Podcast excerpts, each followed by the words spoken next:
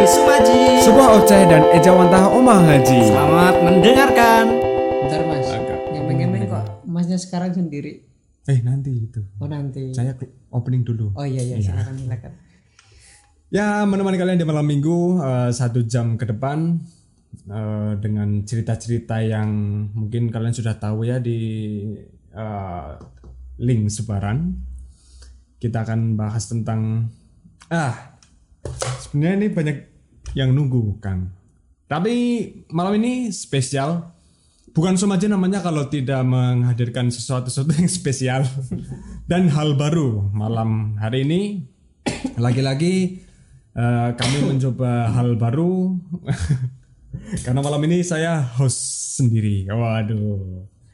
Yang satu Iya. bolos. Setiap malam itu pasti ada hal eh, setiap siaran nih pasti ada hal baru yang dicoba. Itulah Somaji. Eh, dan malam hari ini saya ditemani sama sebenarnya sudah pernah eh, di episode pertama ya malah sama beliau dan sekarang beliau hadir lagi di sini di samping saya menemani. Siapa lagi kalau bukan siapa Kang? Mas Azam. Mas Azam, si pengamat dunia mistis. Wah. Dunia mistis. Uh, uh, uh, uh. Kalau ngomong mistis sekarang rasanya ini kan seru. gede. Lagi seru-serunya Iya, ya. pasarnya lagi rame sekarang.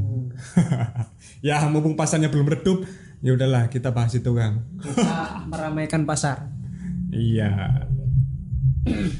ya satu jam ke depan ya. Nanti aduh kalau ada pertanyaan boleh banget nih. Langsung saja ke WhatsApp saya. Ayo ayo tanya tanya tanya tanya. belum belum belum belum belum. Ben payu, koyo rak payu ya aku ya.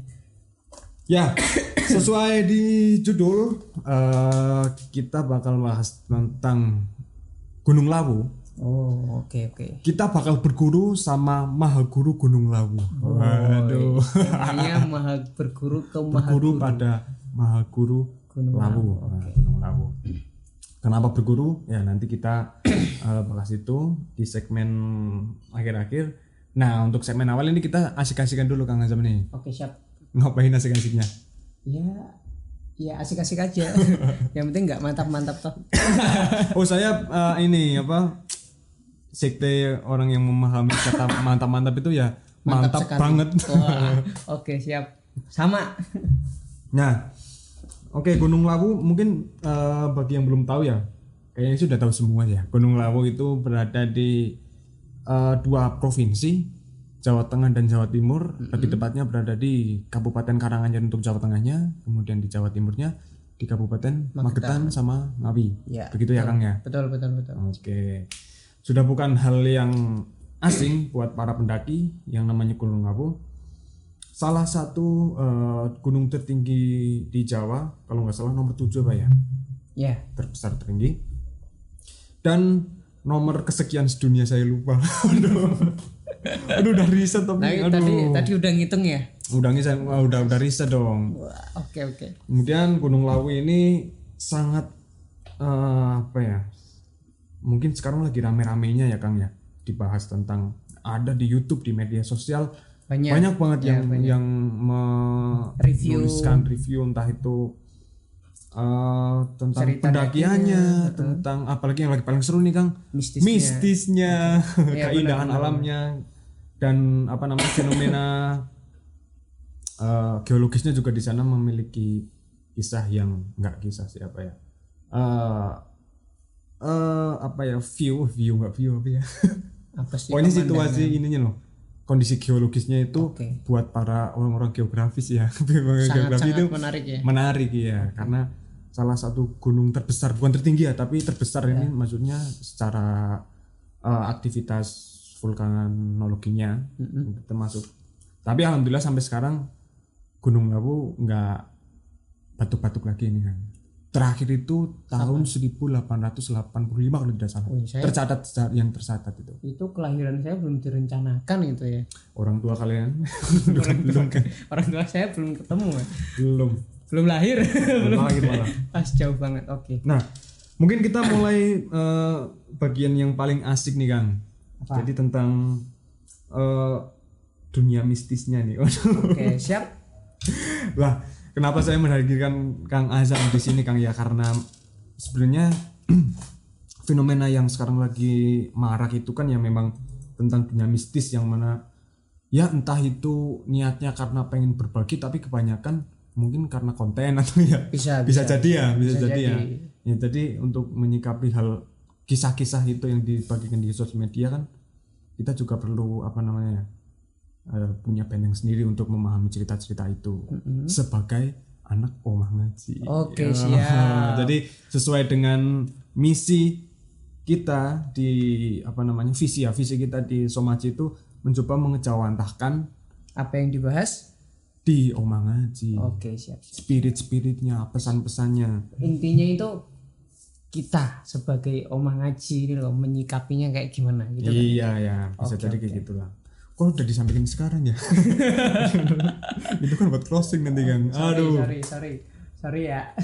nah jadi eh, untuk pengantar nih kang kang kang Azam Eh, kang kang Mul atau kang Azam yang nanya nih Kang Mul aja Kang biar Mul ya? keren. Oke, Kayaknya enakan Kang Mul ya. Ah, Oke Kang Mul, ini untuk membawa untuk mengantarkan nih tentang eh, dunia ke mistisan di apa namanya di Lawu sebenarnya eh, ada sejarah-sejarah apa sih Kang yang diketahui sama Kang Azam ini Oke. eh, yang ada di Lawu?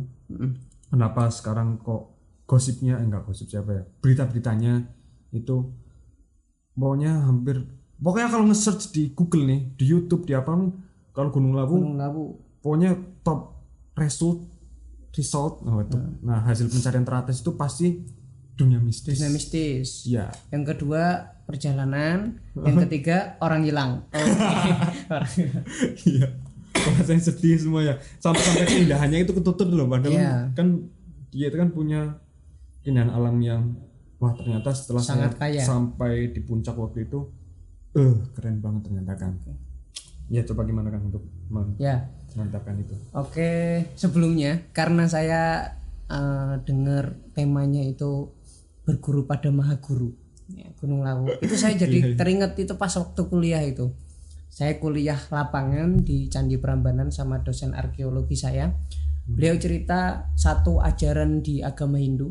ya Hindu itu kan Tuhan utamanya itu kan tiga Dewa Siwa yang terbesar, Dewa Wisnu sama Dewa Brahma. ya Nah, pun kalau teman-teman main ke Prambanan, candi paling besar di situ ya candinya Dewa Siwa. Mm-mm. Nah, Siwa itu dalam mitologi ajaran Hindu itu ke dunia ini menjelma menjadi tiga bentuk. apa aja itu kang Yang pertama Siwa Mahaguru. Siwa Mahaguru Nah, itu Ya. itu yang saya dengar, yang saya langsung ingat wah ini berguru pada Mahaguru ini Siwa Mahaguru gitu. Oh, saya Karena- malah, malah pemilihan di situ sebenarnya nggak berdasar dari itu kan. ya coba dijelaskan nih, barangkali nanti Kok jadi Anda langsung mematikan aw- saya di awal-awal? Ah, enggak, enggak, enggak, Kang. Jadi sebenarnya Oke. enggak maksudnya eh, pemilihan judul itu sebenarnya tidak berdasar dari sejarah ini. Oke. Karena nah, untuk menghindari misinterpretasi dari para pendengar, walah, ada yang dengerin memang, ya adalah. Oke. Para pendengar dan mungkin pembaca yang baca judulnya itu, wah, Mahaguru. Mahaguru. Mungkin pahamnya bakal ke situ kalau orang yang paham sejarah tuh. Oke. Nah, jadi yang klarifikasi berarti ini judulnya bukan berasal dari itu. Kemudian sekarang dilanjutkan Iya. Mas Ansa menjelaskan tentang itu. Oke. Jadi memang langsung kepikiran gitulah. Sebenarnya memang bukan itu. Pertama Mahaguru, kedua Durga, yang ketiga Ganesha. Hmm. Apa hubungannya? Nggak ada sih sebenarnya. kepikiran doang. Oke. Eh, mengenai sejarah ya. Oke, Lawu itu eh sangat terkenal karena itu dijadikan tempat pelarian kalau dalam bahasa sejarah ilmiah itu pelarian dari Prabu Brawijaya kelima. Itu pelariannya. Eh kejatuhan Maja, Majapahit terakhir itu Brawijaya dikejar oleh Raden Patah waktu itu. Dia Ah, lari itu ke gunung. Raden Patah kalau nggak salah putranya Putranya. Raden Brawijaya V ya. iya putranya Hmm. salah satu versi yang paling banyak apa namanya dipahami oleh teman-teman itu adalah karena ini perbedaan agama Hmm, jadi iya, iya, Prabu iya. Brawijaya itu masih memegang teguh ajaran-ajaran Hindunya Hmm. akhirnya beliau itu lari ke Gunung Lawu itu posisinya masih dikejar sama pasukan Raden Patah Hmm. sampai perang di sana akhirnya karena Raden eh, Prabu Brawijaya ini memang apa namanya istilahnya mendeklarasikan wes saya tak di sini aja saya pengen mendekatkan diri kepada Tuhan pengen nyepi di sini gitu jadi dia di Oke, situ oke, oke. bertapa nyepi untuk mendekatkan diri pada Tuhan sampai akhirnya diceritakan dia itu moksa Iya, iya, iya. raganya hilang. Nah yang menarik di beberapa bagian Gunung Lawu itu ada peninggalan-peninggalannya, peninggalan apa namanya Ra- Prabu Brawijaya, Hmm. Candi Suko, Iya, Candi Candi. Cetho itu bikinan dari Prabu Brawijaya. Hmm. Masa beliau beliau itu apa namanya uh, masa pelariannya itu dia bikin di situ, bikin tempat peribadatan. Kemudian beliau bertapa di Argo Dalem dalam oh, Kalau iya, iya. teman-teman sering familiar itu harga dalam itu ada apanya sih? Nah itu petilasan, Hmm. petilasan. Ada lagi yang yang banyak tidak diketahui. Ada namanya sumur Jolotundo. kalau nggak salah. Jolot. Oh iya iya iya. Itu sumur, ya khasiatnya banyak sekali. Itu juga tempat bertapanya eh, Brawijaya Prabu di mana itu? Itu. Eh, Prabu Brawijaya. Ada. Ya. Apalagi Nah, kemudian eh berarti jadi dari cerita-cerita apa namanya? Mungkin yang bikin it, it- hal itu yang bikin suasana mistis apa enggak sih, Kang? Menurut eh, menurut saya enggak. ini? Sebagai pengamat mistis ya, Ya. Enggak. Semua gunung itu Iya. memang apa namanya mistis. Terlepas sejarahnya kayak gimana aktivitas manusia di situ, kayak gimana yang namanya gunung dan laut. Iya. Itu memang ibarat teritorial resmi dari makhluk gaib. Hmm, gunung dan laut ya, Kang. Gunung dan lautan. Makanya hati-hati kalau main ke gunung, main ke laut. Itu hati-hati. Kayak gitu. Ya, ya, itu berarti udah ada satu pesan ya Satu pesan. dari eh, pengamat dunia mistis bahwa ya memang tidak bisa dipungkiri sebenarnya makhluk gaib itu kita percaya bahwa memang ada. Memang ada. Mm. Dan kemudian yang menjadi PR selanjutnya kan bagaimana kita menyikapi keberadaan itu ya Kang ya. Oke. Nah itu nanti kita bahas. Nah sebelum masuk ke situ nih Kang, mungkin eh, ada yang request nih Kang. Pengen dengerin cerita-cerita ini Kang. Mistis. iya nih pengen dengerin cerita-cerita mistis yang eh, mungkin berkesan. Nah ini yang diceritakan yang nomor tiga dulu Kang. Nomor yang paling berkesan tapi nomor tiga, nomor satunya nanti. paling berkesan nomor tiga bentar bentar Wah kayaknya banyak banget ini. waduh iya banyak nih sebagai pengamat ya Sebagai pengamat saja. sebagai Hmm. pengamat. Nanti di episode berikutnya baru kita hadirkan kalau situasi sudah agak enakan ini, ya, kita hadirkan eh, si pelaku ini. Ada cerita dari teman saya. Dia anak indigo. Wah Wah di home nih, di home lagi nih. anak indihome wah. Dia itu eh, bilang ke saya itu naik gunung baru sekali. Mm-mm. naik naik ke Lawu baru sekali dan nggak mau lagi. Kenapa dia anak Mapala. Ya karena dia itu ngerasa di Lawu itu tingkat keramaiannya lebih daripada gunung-gunung lain Tapi oh oh, berarti kalau gunung lain masih mau. masih mau. Masih Tapi kalau untuk Lawu nggak mau. Udah mau karena alasannya iya. itu rame. kemudian eh, kemudian kalau saya analisa sebagai ano sebagai ahli wah ahlinya. Ahli pengamat, ahli pengamat. sebagai pengamat. Ya di Lawu itu sepertinya memang eh, paling banyak memakan korban lah kalau untuk area Jawa Tengah Hmm, korbannya maksudnya korban korban korban hilang. ditemukan menghilang eh ditemukan meninggal korban Hmm. hilang nggak ditemukan. Dan korban Itu yang- banyak. ya kalau korban yang ditemukan anu hidup? Ada juga ada Hmm. ada. tapi dikit. Nah itu. Waduh. Dikit. Sampai nggak ket- ya nggak ketemu kayak kemarin yang namanya Alfi itu beritanya sampai sekarang ya itu gimana ceritanya itu satu tahun. Ya dia dia naik naik Hmm. ke Lawu via Candi Cetho via oke Candi oke. Cetho kalau nggak salah anak Boyolali. Sebenarnya dia udah punya firasat buruk sih pas berangkat. Bukan firasat pertanda. Motornya bannya bocor. Wah itu saya juga pernah gitu kan biasa berarti ya? Biasa. Oke oke.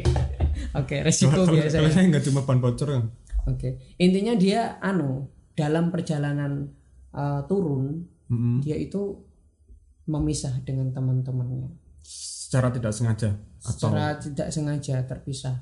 Nah kalau dikaitkan dengan hal mistis, ya ini banyak ya orang yang hilang di gunung rata-rata itu karena terpisah atau posisinya dia sendirian. Di Merbabu pernah ada orang Thailand itu mm, eh, hilang ditemukan meninggal ya karena dia naiknya sendirian. Ya. Posisinya misal dia naik bertiga atau berempat kemudian misah dia sendirian. Nah ini ada tiga faktor itu yang bikin bikin dia hilang.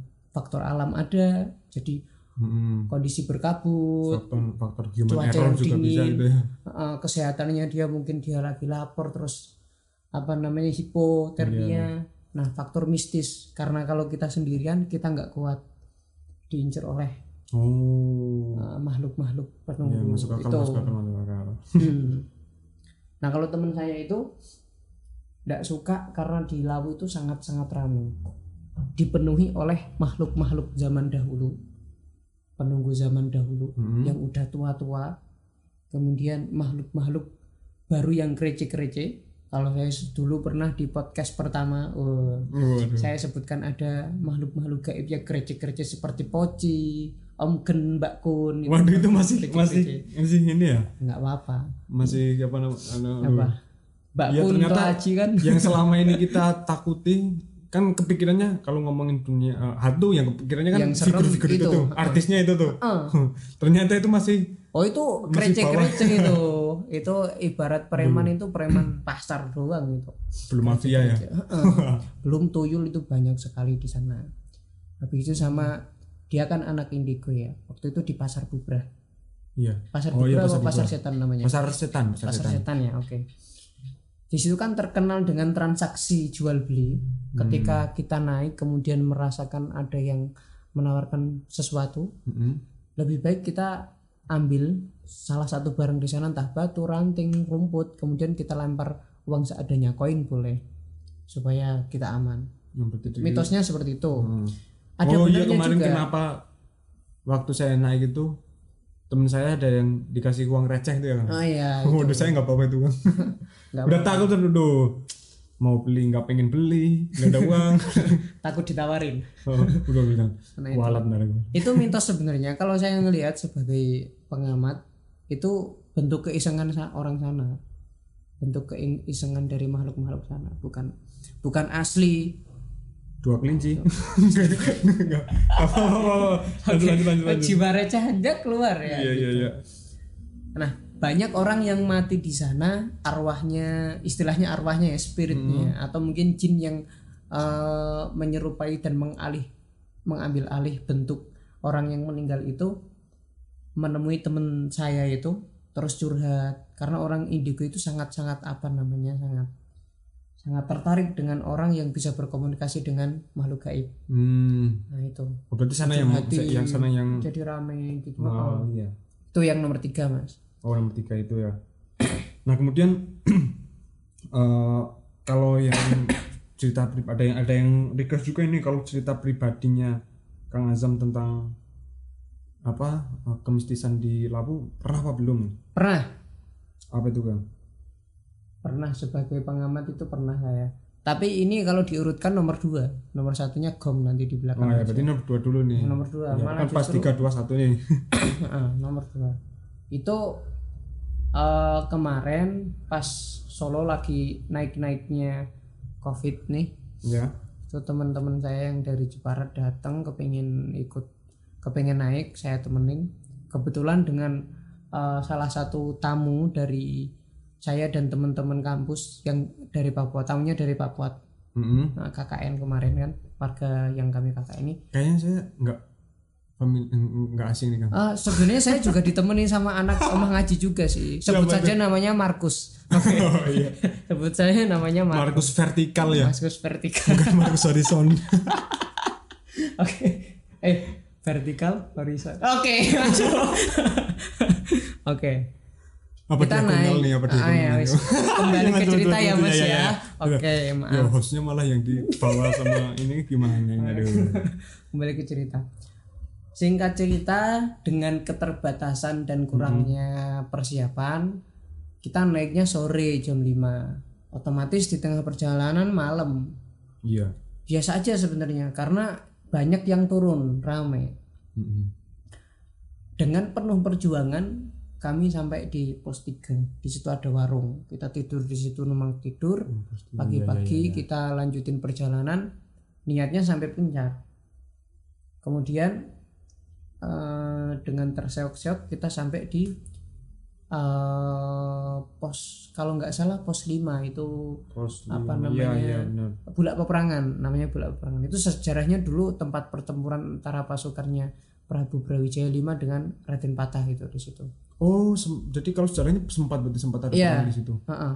bukan sejarah sih folklore Oh, folklore. Folklore. cerita cerita masyarakat yang beredar yang menjadi pendukung dari suatu fakta sejarah Oh, Nah, itu. Nah, ini jadi se- sekaligus, sekaligus memperkenalkan nih. Jadi Kang Azam ini kan Kang Mul ya. ya kan Itu kan juga apa namanya studinya di Sejarah. sejarah. Jadi Sejarah. beliau ini kalau cerita hawanya enak pembawaannya. Makanya saya Iya. ajak pada episode kali ini. Oke Oke, lanjut Kang. Nah, di situ kita makan siang, diriin tenda, memutuskan untuk ninggalin barang-barang naik ke atas. Saya nggak kuat, saya muntah-muntah itu. Itu karena du- mistis nggak Kang?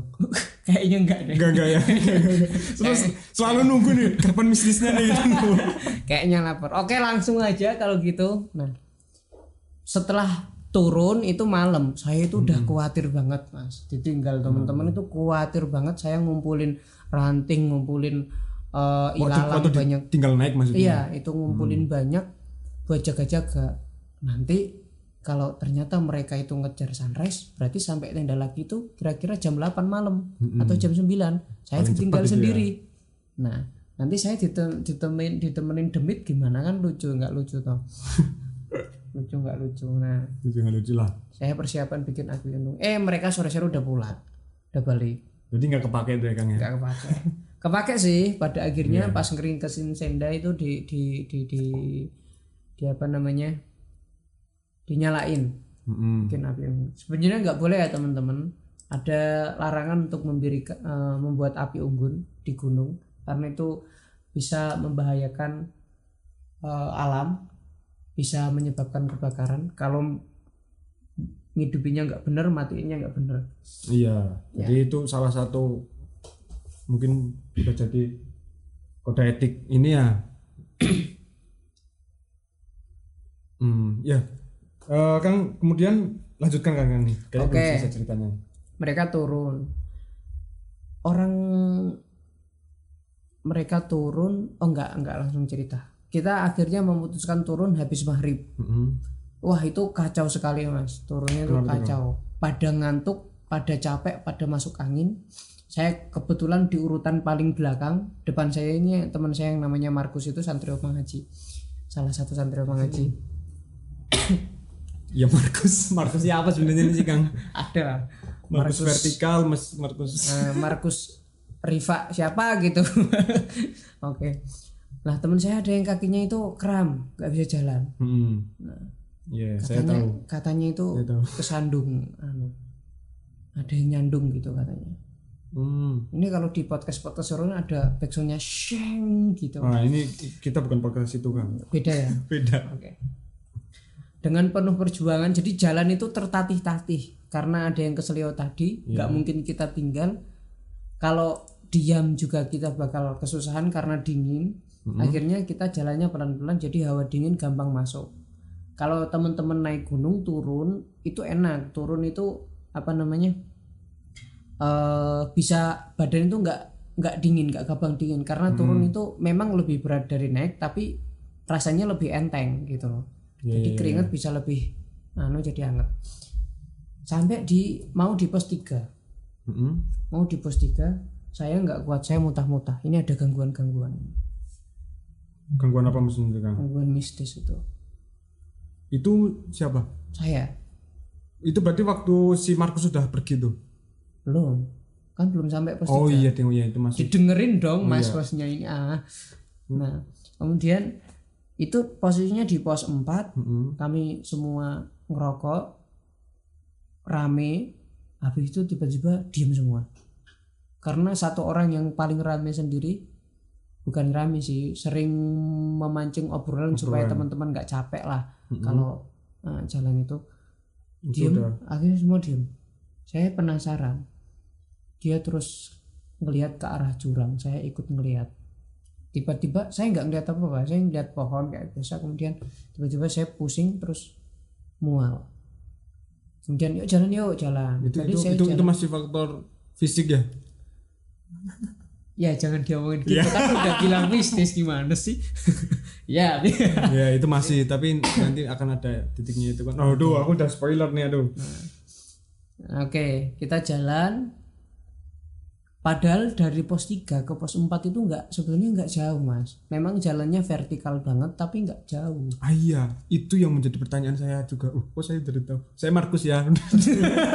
Aduh ya udah saya ngaku saya Markus. Saya juga di situ sangat merasa ih ya kayaknya jar pos 4 sama pos 3 itu waktu naik aja cuma berapa jam itu loh Enggak nyampe satu jam. Ini satu jam lah satu ya. jam satu Satu jam, lah. jam.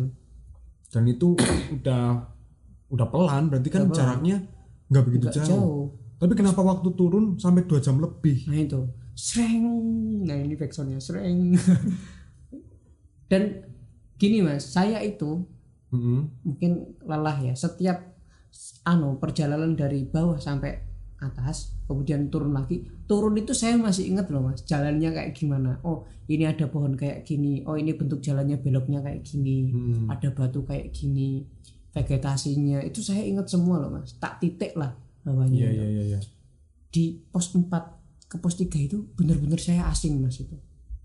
Saya juga kan. Tapi waktu itu saya apa ya nggak berani cerita masih berpikiran nggak berani cerita selama masih rame-rame insya Allah aman gitu kan ya. Mm-mm. Nah, sebenarnya udah udah tak- udah takut ini sebenarnya yang di depanku siapa belakangku siapa udah udah kepikiran macam-macam oke apalagi waktu itu kan kita juga sempat menunda waktu makan kan Mm-mm. sampai akhirnya ya udah udah banyak yang kelihatan mulai kedinginan Dan akhirnya saya nggak kuat saya kurang. muntah-muntah itu mual yang tak tahan dari pos 4 itu muntah-muntah Mm-mm. kemudian lihat saya muntah-muntah beberapa temen itu langsung lemes banget. Langsung lemes. Akhirnya saya bikin usulan ke teman-teman itu sampai pos 3 Mm-mm. di dalam shelter itu. Gimana kalau kita bagi dua kelompok? Karena ada beberapa teman yang harus kerja pagi-pagi. Iya, iya. yang sehat-sehat ini sama yang kerja itu pulang duluan turun duluan. Nah yang nggak sehat ini kita nginep lagi satu malam. Akhirnya kita putuskan bikin tenda lagi. Markus teman saya nama samaran semua ini ya. Markus Yowis Abdul wis ora. yang lain samaran nih. Abdul Rocky Dika Vicky. Ini nama samaran itu. Iya iya iya. Itu pulang duluan. Nanti gimana perjalanan pulangnya? Mistis-mistisnya kayak gimana? Silahkan tanya sama Abdul Markus Eh, nah bikin tenda yang saya sama orang Papua sama temen saya mau namanya mau Mauris namanya. Hmm. Mauris ya Mauris. Sama sama bapak bapak bapak Steven. Wah, Oh, bapak iya. Steven itu yang dari Papua itu. Kalau kalau waktu saya turun tuh kan sebenarnya saya kan tipe orang yang nggak bisa apa namanya nggak pekat dengan hal seperti itu. Mm-mm. jadi waktu itu saya mimpi di depan tuh. Tapi nggak tahu kenapa saya berani. Itu yang sampai sampai sekarang sebenarnya saya juga bertanya-tanya.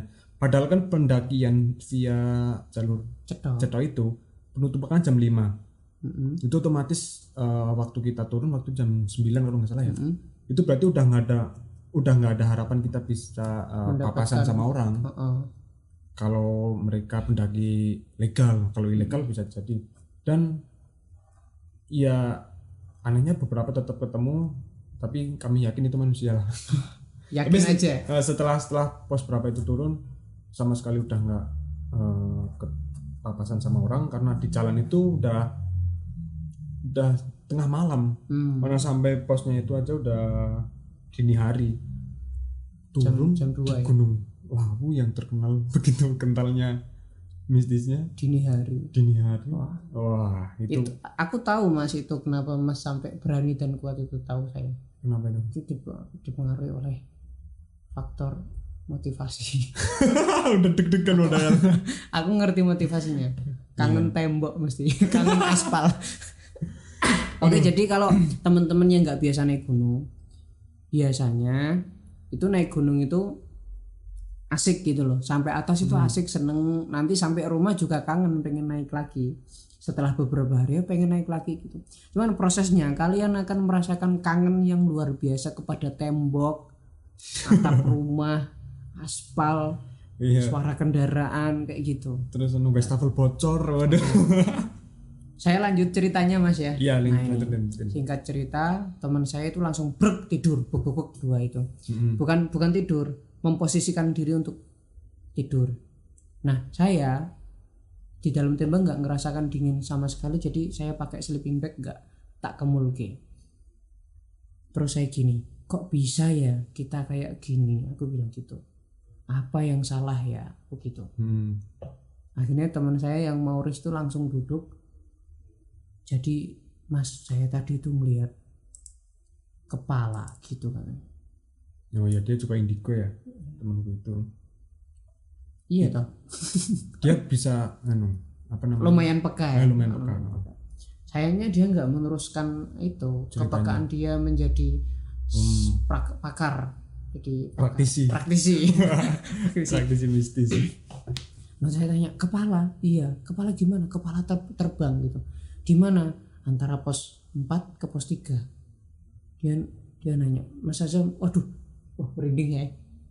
sama ya Oh dingin toh, ini dibuka toh jendelanya. Oh. aku juga merinding nih oke deh Nih, Kang Mul, eh, tadi keceplosan Mas Azam. Kang Mul tadi melihat batu nggak? Batu kotak di tengah-tengah jalan. Melihat aku gitu, melihat mau. Itu pas di situ mas. Kakiku tiba-tiba itu aku jatuh terperosok. Itu ada kepala terbang ngelewatin set ke arah jurang. Gitu. waduh Karena posisi udah malam, jadi kira-kira ya jam 12 atau jam setengah satu. Aku ya mengalihkan omongannya itu supaya dia nggak tambah khawatiran. Mm-mm. Wah tadi saya juga ngeliat, tapi saya ngeliatnya itu kayak kalong, kayak kelelawar gitu hitam. aku tuh Deng deng. serius serius serius jadi jadi waktu turun kan waktu berarti aku depan ya ya aku mikirnya ya itu hewan lah gitu. Iya, itu saya hewan itu hewan. Ah, oh aku di depan sampai aku kaget sampai jatuh juga yang belakang belakang sampai kaget semua. Itu, Apa, apa, itu apa? katanya kepala itu. wah tak kira. Oh hewan hewan. Tikus aku ngomong cuma gitu biar biar tenang. Terus ayo lanjut kita. Ah, nggak- tahu kenapa saya berani tuh di depan. Yang lain juga jaraknya agak jauh. Jadi saya karena karena yang merasa eh, fit lah waktu itu dan senternya masih nyala terang saya buka jalan ceritanya itu loh Pas pulang gitu. Heeh, itu, saya- iya saya itu. jalan dulu drrrr.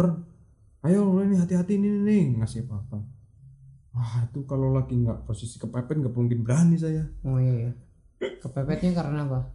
nggak tahu lupa lah waktu itu lah Ya itu motivasinya itu kangen aspal itu tadi.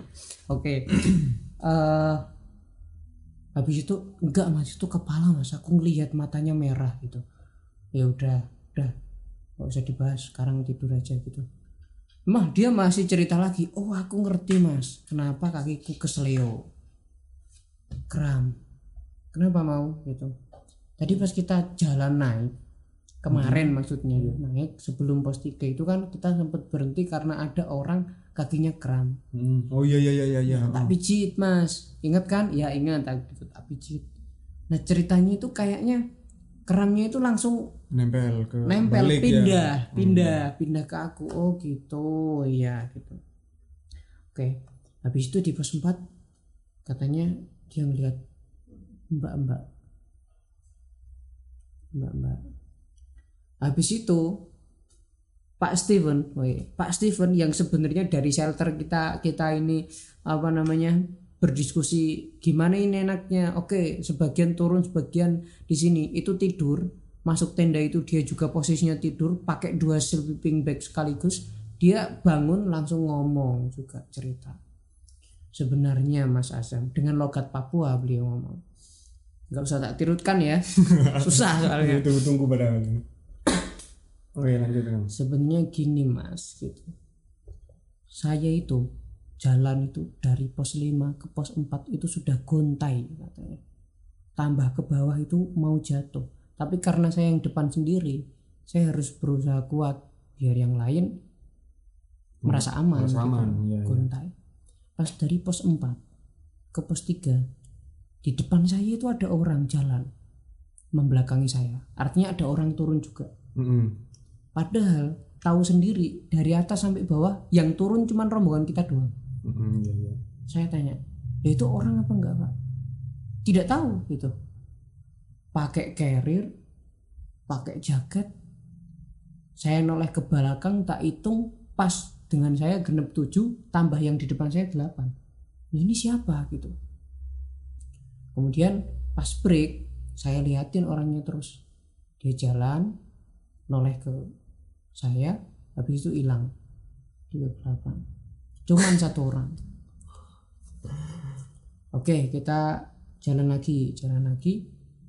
Tiba-tiba ada orang lagi di depan saya mas. Kali ini nggak jalan. Dia pakai jaket tapi nggak pakai carrier laki-laki. Dia ngasih saya apa sih? Shal Ah, ah, ini loh bandana. Bandana. Bandana. Shal bandana. Kok ngeyel sih? Sampean yang ngeyel. Bandung ditunjukin ke saya ini loh bandananya loh yang ngasih siapa pak? Saya nggak lihat sama sekali loh orang. Si mau itu juga nggak lihat sama sekali orang lain selain kita. Karena waktu itu udah malam banget kan. Mm-mm.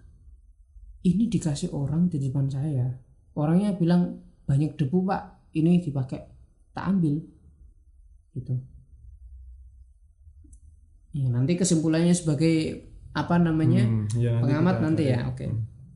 Itu terus ini ceritanya tapi saya jadi keling- ke- keingat satu cerita kang apa jadi eh, ini cerita yang menurut eh, ya pes- pesan moralnya kental sih meskipun mistis tentang surat yang ditulis Oh, iya, sama orang yang meninggal, meninggal. di Lawu oke ya Iya. ini harus didengerin nih ini ini yang nomor satu nih nomor satu ini tadi kan oh ketika pas malah ya, ya, Ah. ya. jadi tahun 1999 ada orang orang Jakarta naik ke Lawu itu satu rombongan ada banyak lah dengan perbekalan yang zaman dulu perbekalan dan peralatan zaman dulu yang pastinya lebih ribet dari zaman sekarang kan Mm-mm. beratnya juga anu. singkat cerita orang ini yang cerita yang yang diwawancarai itu posisinya paling belakang sendiri jadi sweeper nah lewatnya cemoro kandang jalannya agak berkelok-kelok gitu. Karena dia tertinggal dia akhirnya ngambil jalan motong-motong. Mm-mm. di suatu potongan jalan mau di pos 4 katanya itu senternya tiba-tiba mati. Gelap kan langsung. Habis itu dia ngambil uh, baterai cadangan dipasang lagi masih mati ditepok-tepok hidup. Alhamdulillah. Dia jalan beberapa meter mati lagi. Habis itu kan dia kan ah ya udahlah jalan pelan-pelan. Mm-mm. Nah, sambil mengandalkan cahaya rembulan. Eh dia keprosok jatuh. Prosok Mm-mm. ke samping kiri. Jatuh. Dalam keadaan yang bingung dia berusaha untuk naik. Dia melihat sesosok orang di bawah dia. Itu megang kayak akar-akar pohon gitu sebelumnya padahal nggak tahu ya. Iya. maksudnya nggak tahu kalau ada orang di sekitar dia gitu kan padahal dia udah kayak ketinggalan rombongan itu kan Iya. posisi dan itu cewek dia ngelihat itu cewek hmm. senternya dinyalain disenterin oh cewek dan itu orang Mm-mm. bukan hantu ditariklah orang itu diselamatin dibawa ke atas badannya basah mukanya penuh luka baret-baret dan itu orang gitu loh cewek. Mm-mm. habis itu dibikinin tenda tenda bivak gitu. Mm-mm. dimasakin nasi diobatin lukanya. Habis itu ngobrol-ngobrol lah mereka. Si cewek ini sebut saja Ica. Ya. Sebut saya dia si Ica. Ica ditolongin terus dibuatin tenda dia kasih makan. Diobatin pokoknya di, diperlakukan kayak orang layaknya. Diselamatkan lah intinya Hmm, lah. diselamatkan. Habis itu ngobrol-ngobrol cerita saya orang Malang gitu. Rumah saya di sini. Kalau mau main ke desa ini aja RT ini. Kalau mau cari rumahnya Pak ini nanti ketemu gitu ceritanya. Oke. Terus si Icanya ini Mas bisa minta tolong lagi nggak? Minta tolong apaan? Ambilin barang saya yang masih jatuh kayaknya masih bisa diselamatin oke diambil ternyata itu anu apa namanya almet alma mater Waduh, wah merinding aku kan. alma mater warnanya biru tua Nah, kuliahnya di mana kan? nggak tahu Kotanya, kotanya. nggak disebutin Malang Malang Kotanya Malang, Almetnya almetnya biru biru. tua. Biru tua. itu Nah, tahun 1999 Ah, karena dulu mungkin belum marak ini ya Iya. media sosial yang buat sharing kan jadi mungkin terlalu terpandem terpendam ya ceritanya. terpendam tahun 1999 nah si Ica ini curhat bang gimana ya? Saya itu kuliah dibiayain orang tua gini gini gini gini saya malah main ke gunung nyusahin orang tua. Pengen ngomong itu takut saya gitu. Mm-mm. oh ya udah kalau kalau lo takut ngomong takut dimarahin tulis aja. Pas lo berangkat kuliah kasih ke orang tua lo berangkat kuliah gitu. Mm-mm. akhirnya kalau ibu marah kan lo nggak ada di situ gitu loh. Iya, iya. oke bang. Tapi saya nggak bawa alat tulis. Dikasihlah alat tulis di Sama si situ itu dan saya heran kenapa itu nggak ditulis di rumah nanti pas udah pulang gitu loh. Ya itu karena faktor ini mas. Hmm. Faktor mistis juga yang mengaruhi psikologi antara laki-laki dan perempuan ini Oh iya, dikasih mungkin secara ada oh ya ini saya punya anu. Mm, dia nggak harusnya takut kalau gitu ya. normal ya nanti aja ditulis di bawah kan Ya, gitu ngapain sekarang sih gitu Nah, kan gitu. Singkat cerita ditulis sampai nulisnya itu dituntun oleh si laki-laki ini yang dari Jakarta. Oke. Dituntun oh gini aja buat mama minta maaf Ica gini gini gini gini. Oke, selesai. Di Icaknya tidur. Si abangnya ini tidur juga tapi nggak di dalam tembak di sampingnya dia tidur sambil duduk nyender pohon. Iya. Oh, eh, udah jatuh. apa sih Astagfirullahaladzim. udah, udah, udah. Waduh, waduh. Udah tafsir. Udah tafsir. Aman. beneran kang aduh jangan nakutin dong Itu tadi nggak dengar bang jatuh. oh itu Iya itu. Iya, Eh, lanjut, empat. lanjut. Oke lanjut ya. Pagi-pagi bangun nih si abangnya. Eh si cewek nggak ada. Oh udah sehat nih berarti kan gitu. Dicari-cari nggak ketemu. Ya udahlah. Dia si abang ini jalan beberapa meter buat nyari. Kepleset lagi jatuh ke jurang lagi. Merosot. Pas kepleset itu pakai pakai dia benerin ya Heeh, dia benerin tempat duduknya dia ngelihat ada helmet warna biru tua itu mirip kayak almet yang dipakai. Kok kayak kenal gitu? Ah astagfirullah aku kagetan banget. HP ku getar kaget ya Allah. Lanjut. Lanjut lanjut. Oke. Dia ambil ranting dicukrik-cukrik tuh helmetnya Mm-mm. dicukrik-cukrik. Ternyata apa di situ? Ada tengkorak tangan di balik almet itu. Di balik helmet ada tangan kelihatan merinding punggungnya ini. dikit sama tengkorak wajah dikit kelihatan itu udah tengkorak. Ya kesimpulan awal ya itu dulu ada yang daki atau ada orang naik ke situ kemudian dia jatuh hilang nggak ketemu. Udah lama karena udah jadi tulang belulang.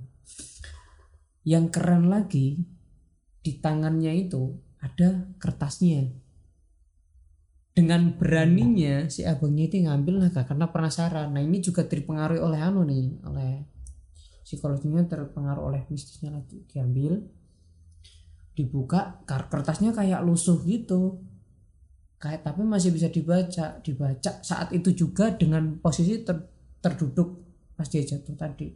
Hmm. loh ini tulisan saya semalam gitu.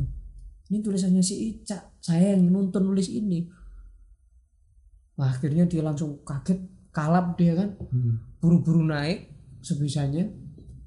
Dia nggak mikir apa pun barang dimasukin semua diinjek-injek semua ke dalam carrier naik susut naik.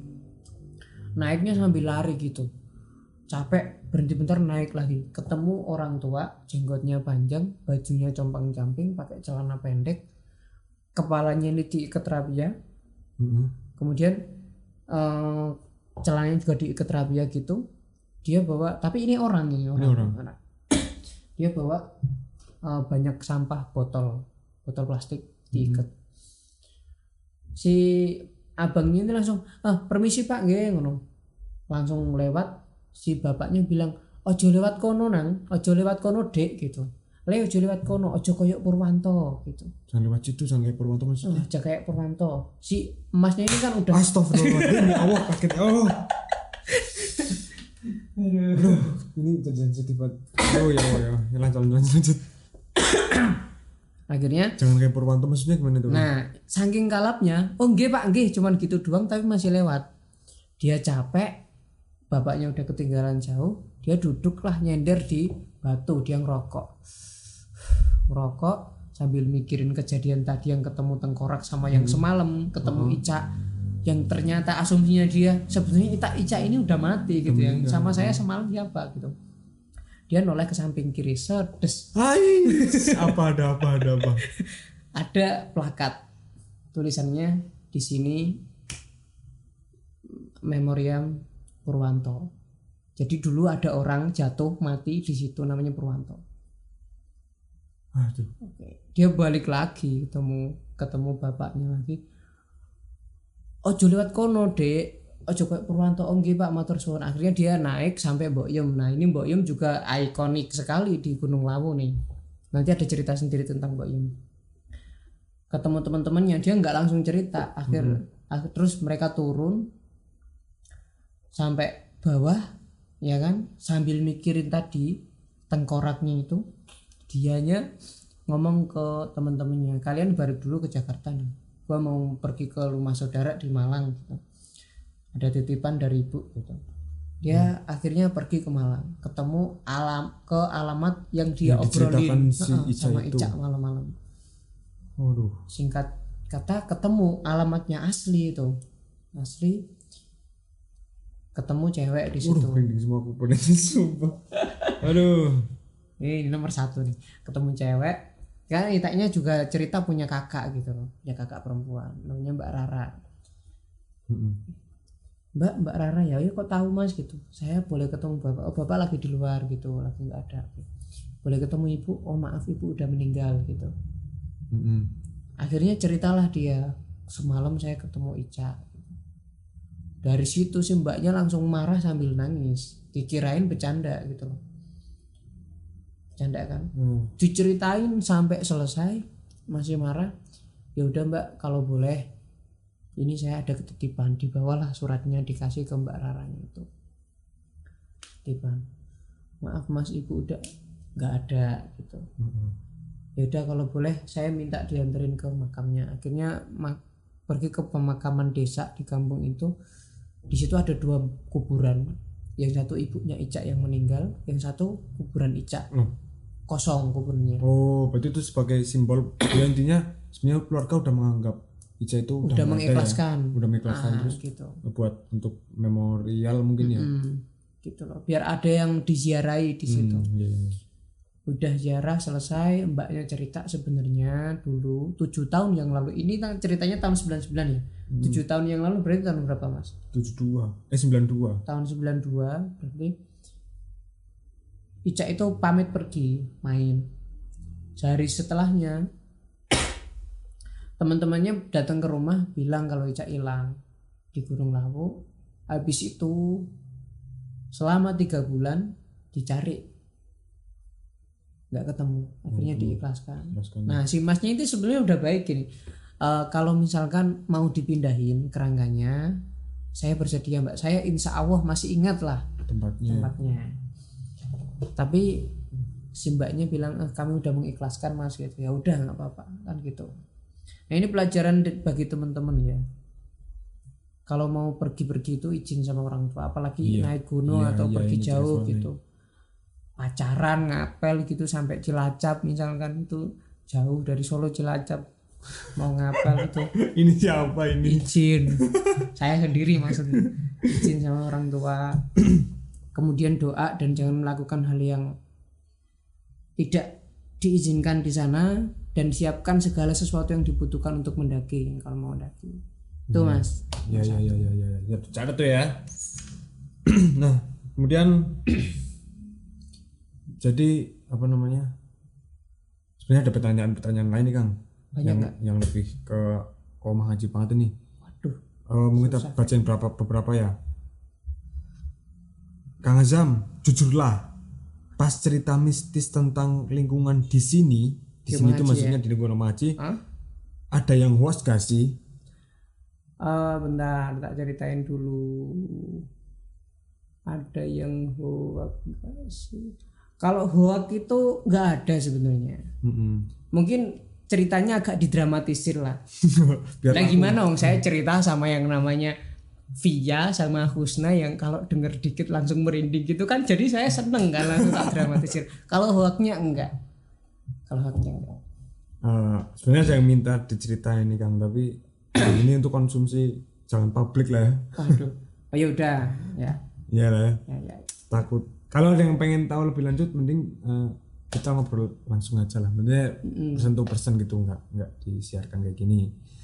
Kemudian kang eh, katanya kita sebagai manusia dan makhluk eh, kita manusia dan makhluk hakib maksudnya itu ada dua alam yang berbeda. Tapi kenapa ada orang bilang mereka suka menempati tempat sepi banyak air sebut saja gunung sungai rumah kosong dan mereka bisa saja keganggu saat ada manusia datang? Oh, itu penjelasannya gimana ya? Kan alamnya udah beda kenapa bisa keganggu wah ini Oke, sebagai rasionalis banget nih Oke, alam alamnya beda, memang alamnya beda. Cuman kan gini, eh mereka sudah jelas itu menempati posisi yang itu bukan tempat manusia. Katakanlah gunung dan hutan, Mhm. gitu. Ketika kita main ke sana, meskipun kita nggak lihat, alamnya beda, tapi tempatnya kan di gunung tuh Iya, iya. ya kan otomatis ya kita ke tempat ke tempat yang asing dan kita jadi orang asing di situ. Hmm. kan gitu. Nah kebanyakan karena itu makhluk ya itu makhluk Iya. bukan apalah. Kebanyakan mereka di situ itu ya memang rumahnya di situ. Nggak yang si apa namanya misal nih ada buto penunggu gunung lawu misalkan. Di misalkan jalur mana gitu. Hmm. terus dia terus sesuka hati ke sini ke sana ke sini ke sana ke Solo ke itu enggak enggak kayak gitu. Dia emang hidupnya ya di situ gitu. Jadi kalau kita masuk ke teritorinya itu ya udah kita jadi orang asing di situ. Dan layaknya anda ketika punya rumah punya tamu yang dia berbuat sesuatu yang tidak baik di rumah anda pasti anda marah. Sama kayak mereka. Gitu. Tapi yang katanya tadi itu di beda alam ya tetap dimensinya tetap berbeda cuman kan gini loh coba dinalar ya ini sebagai anu ya. oh iya iya saya paham kang misal Nah. dalam satu tempat itu dia punya multidimensi ya Kang? multidimensi ada dimensi yang beda Oh, tapi iya, iya. itunya masih sama jadi Iya, iya, iya. apalagi itu misalkan jelas itu bukan tempatnya manusia tidak setiap hari ada manusia di sana jadi ada ada ada ada kemungkinan yang sangat besar misal buto ini duduk-duduk di batu duduk di bawah pohon main air di kali Oh, iya, iya, iya. gitu kan karena jelas itu nggak ada manusia di situ Oh iya. Mungkin ah, ini juga bisa menjelaskan tentang konsep ini apa ya? Eh, konsep ruang waktu itu loh, Kang. yang Jadi eh, yang namanya ruang itu bisa apa ya? Eh, kayak konsep ruang ini loh, aduh sebentar. Lubang cacing. Itu kan di situ di mana dimensi ruang itu bisa dilipat gitu loh maksudnya. ya ah, bisa dilipat Heeh. untuk supaya lebih dekat Mm-mm. Yang mana jalan di situ sebenarnya yang namanya ruang itu nggak seperti apa yang kita lihat sebenarnya eh, anunya. Uh, dan itu juga apa ya itu juga masuk akal sebenarnya Hmm, Mungkin ini bisa menjelaskan itu ya. Uh, masuk akal karena memang itu bukan tempat manusia yang kedua ya indikasinya gini kalau ada orang yang pengen berinteraksi sama mereka kenapa repot-repot harus ke tempat tertentu ke gua ke batu ke pohon ya karena dimensinya beda tapi itu alam mereka gitu loh ya mungkin koordinat di situ yang Heeh. pas dengan dunianya mereka Iya. di mana di mana gitu ya Yang kedua, kenapa beda alam tapi tetap anu eh, ki- keganggu. bisa keganggu? Karena mereka juga punya sifat-sifat tersendiri, kayak manusia punya sifat jahil, punya sifat baik, punya Iya. sifat yang anu. ya nggak nggak kayak malaikat gitu ya Eh, mereka juga bisa ganggu, seneng kalau mau ganggu gitu loh, ganggu ke kita. Dan tidak menutup kemungkinan ketika posisinya dibalik, kita yang bisa ngelihat mereka, mereka nggak bisa ngelihat kita, kita juga bisa berkelakuan seperti mereka ya, ya, tinggal diposisikan diri tiba-tiba kita kamar kita lagi podcastan gini terus ada Mbak Kun datang ke kamar lagi mau rebahan terus kita ganggu kita tiup-tiup kupingnya Mbak Kun terus ada Om Pocing. Udah udah udah udah udah, makin makin ini ya d- kayaknya ceritanya semakin eh, agak melenceng dari tema kita tadi akan jadi kita eh, bakal berburu dengan cerita-cerita atau apa-apa yang ada di Gunung Lawu nih. Nah eh, saya pengen mencoba untuk mengembalikan ke tema tadi Kang. Jadi eh, dari cerita-cerita itu eh, kalau saya melihat kan kalau saya mengamati saya pribadi ini hmm, mungkin yang kita lihat itu kebanyakan sekarang lebih ke apa ya sisi hiburan doang itu loh kan oh, untuk Melihat. wisata. Oh untuk wisata. Jadi sebenarnya hal itu malah dijual gitu loh. Sebenarnya ya yang namanya cerita itu apa namanya ya itu bisa membuat membawakan sebuah apa ya eh, mungkin pesan mungkin kesan yang mana kita juga perlu punya apa ya filter mungkin ya untuk menghadapi cerita-cerita yang beredar itu. Mm-mm. sayang dong kalau kita cuma cuma bu- buat hiburan tahu sekilas udah merasa seneng mungkin merasa takut merasa terhibur setelah itu kelar. Wah ya dengan ini harapannya kita bisa mengupgrade tentang bagaimana kita mendengarkan sebuah cerita. Mm-mm. nah khususnya cerita-cerita tentang lawu ini yang lagi nge-hype nih ya mistisnya. Mm-mm. Nah, mungkin ini lah mau mencoba contohnya kita tarik ke pokok ajaran Islam. Waalaikumsalam warahmatullahi Mas host, saya udah diizinin belum ya sama rekan-rekan pendengar? Udah oh ya belum nanti. Oh ya ini. Anak host satunya lagi Kang Tihul ini lagi izin lagi cuti. Kirain malu galus datang gitu. Izin ya, Karena- Mas ya. karena nggak kuat katanya mau bahas kayak gini. Panas ya mas ya dari cerita-cerita tadi itu eh, mungkin contohnya coba kalau kita tarik ke dunia ini. Apa? Ke domain eh, ajaran Islam mungkin ya Kang ya. Ya sebagai kita sebagai umat ngaji ini Mm-mm. kita ya mungkin ini sebagai contoh lah. Ya nggak contoh juga sih apa ya? Gagasan ya kang ya. Gagasan. gagasan biar aman refleksi refleksi. Refleksi ya. Jadi dari cerita-cerita itu kalau coba kita tarik ke pokok ajaran Islam itu pokok ajaran Islam ada tiga tuh ada iman imun aman. Enggak enggak enggak itu. Itu itu kiat menghadapi saya harus corona ya? nih. Iyalah.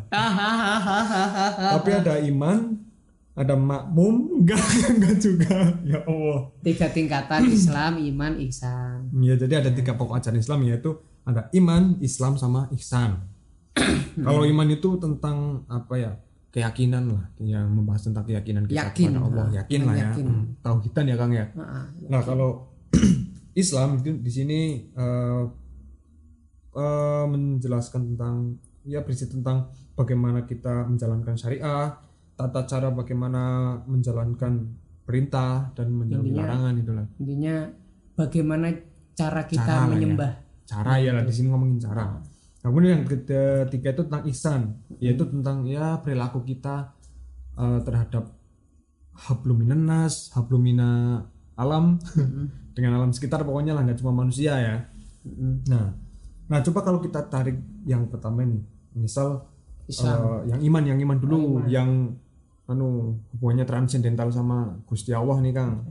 oh ya boleh misal kita melihat contoh tadi ceritanya Prabu Bra- Brawijaya Jaya Prabu Brawijaya kan ya Jaya kelima Prabu Brawijaya kelima yang ke gunung itu untuk mencari pelarian yang sifatnya spiritualis ya kan. Mm-mm. Karena merasa mungkin eh dia ini udah merasa wah kerajaannya nyaman mm-mm. udah diambang kekalahan lah mungkin dikatakan lah akhirnya dia eh, ngungsi ngungsi. Dia pergi ke Lawu dan di sana dia dengan tujuan untuk betapa untuk mencari ketenangan untuk mendekatkan diri kepada yang disebut dia itu sebagai Tuhannya dia. Mm-mm. Nah, eh, pelajaran yang bisa diambil di sini ya bahwa sebenarnya sebesar besarnya kita, sebesar besarnya kita sebagai manusia itu pasti bakal membutuhkan apa yang lebih besar dari kita. Mm-mm. dan itu bentuk dari kesungguhan dia akan keyakinan Mm-mm. Itu yang Keyakinan kita bisa petik dan kita implementasikan ke diri kita ya kan ya. Tidak ya pokoknya itu sebagai apa ya sebagai bahan untuk memupuk keyakinan kita kepada Allah Subhanahu wa itu juga kalau di dalam ajaran Islam itu gini kalau boleh saya menanggapi ya eh boleh banget dong. Oke, misalkan di dalam kitab Adabul Alim wal Muta'alim misalkan. Contoh ya. Iya. Itu kan Prabu Brawijaya itu kan daripada dia berdiam diri di tempat yang dia tidak bisa menjalankan ag- keagamaan dia dengan baik, dia pergi ke tempat yang dia itu bisa sendiri di sana menyembah Tuhannya. Hanya ada dia dengan Tuhan kan gitu. Iya.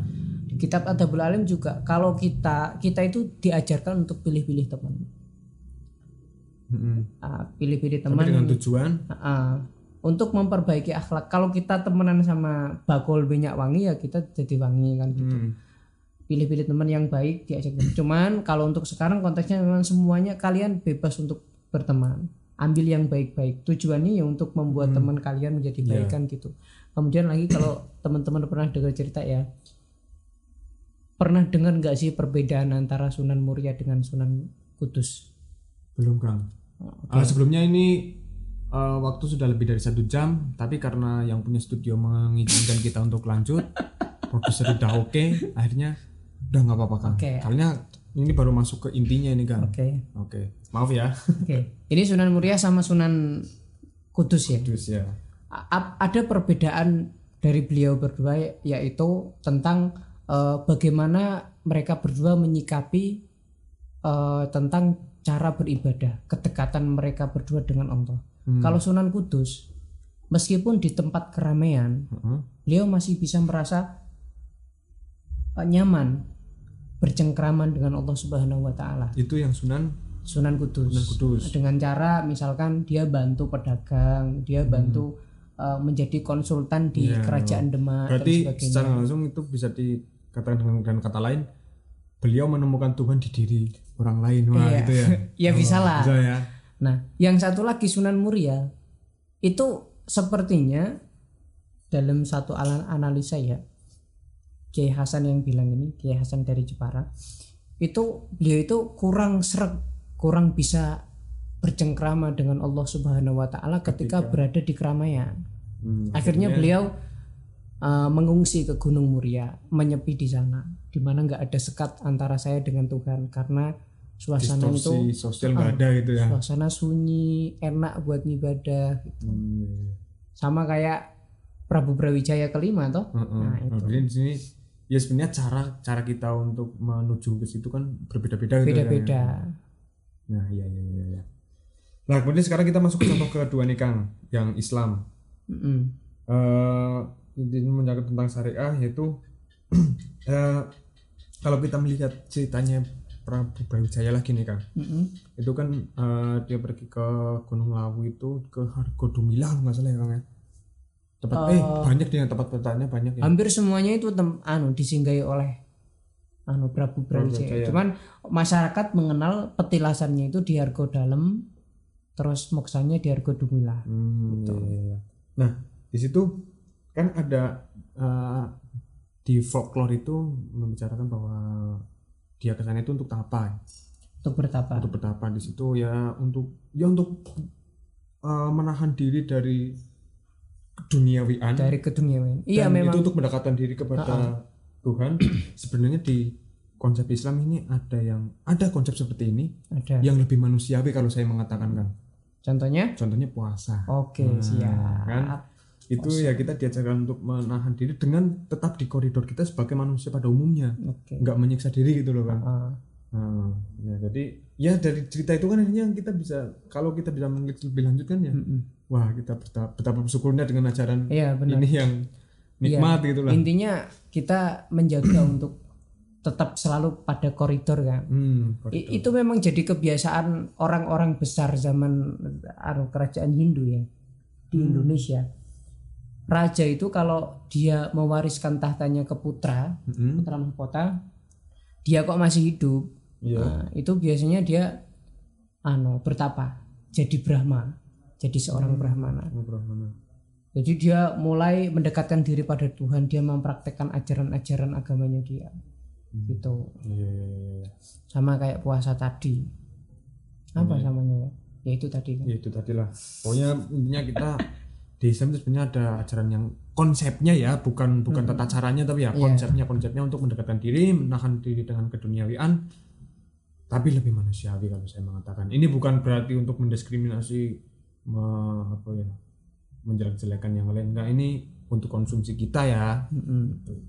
Nah kemudian sekarang contoh yang ketiga nih Kang tentang yang ihsan itu. Kalau ini menurut saya yang paling ceto sih Kang, yang paling jelas nih. ya Cerita mistis orang yang merusak alam akan terkena musibah itu banyak banget kan cerita di sana. banyak Hmm. Bahkan saya punya ceritanya itu ya banyak kejadian di eh, pengalaman pribadi yang kayak orang-orang yang dia nggak menjaga ini akhirnya diganggu minimal hewan lah. Hmm. Ada itu di Sin- Sindoro benar-benar ada babi ya. hutan, celeng ya nyebutnya Hmm. kalau bahasa Jawa. Itu benar-benar dia nyerangnya itu orang-orang yang buang sampah sampahnya berserakan bener-bener saya juga wah ini kok babi bisa bijak banget ya serius Hmm. jadi waktu itu bener-bener ada sampingan yang satunya kotor yang satu bener- eh, yang satu bisa jaga lah kok yang diserang ya yang yang acak-acakan yang beda yang yang sampahnya itu nggak diurus bener. Padahal sampingan itu. Dan saya jelas dengar ada suara babi itu setiap saat lah sering banget. Kalau di Sindoro ya. Mm-mm. nah ini tips buat teman-teman kalau mau ke Sindoro ya hati-hati dengan babi. Jangan buang sampah sembarangan. Oh serius itu. Sampai sampai ada yang ini bener-bener tasnya itu dibawa sama babi itu. Nggak tahu- Dibawa? iya dia belajar pakai tas dari mana? Nggak tahu saya pengen sekolah kok YouTube udah sampai sana kayaknya. Tutorial. Astagfirullah nggak lucu. Ih nggak lucu nggak lucu.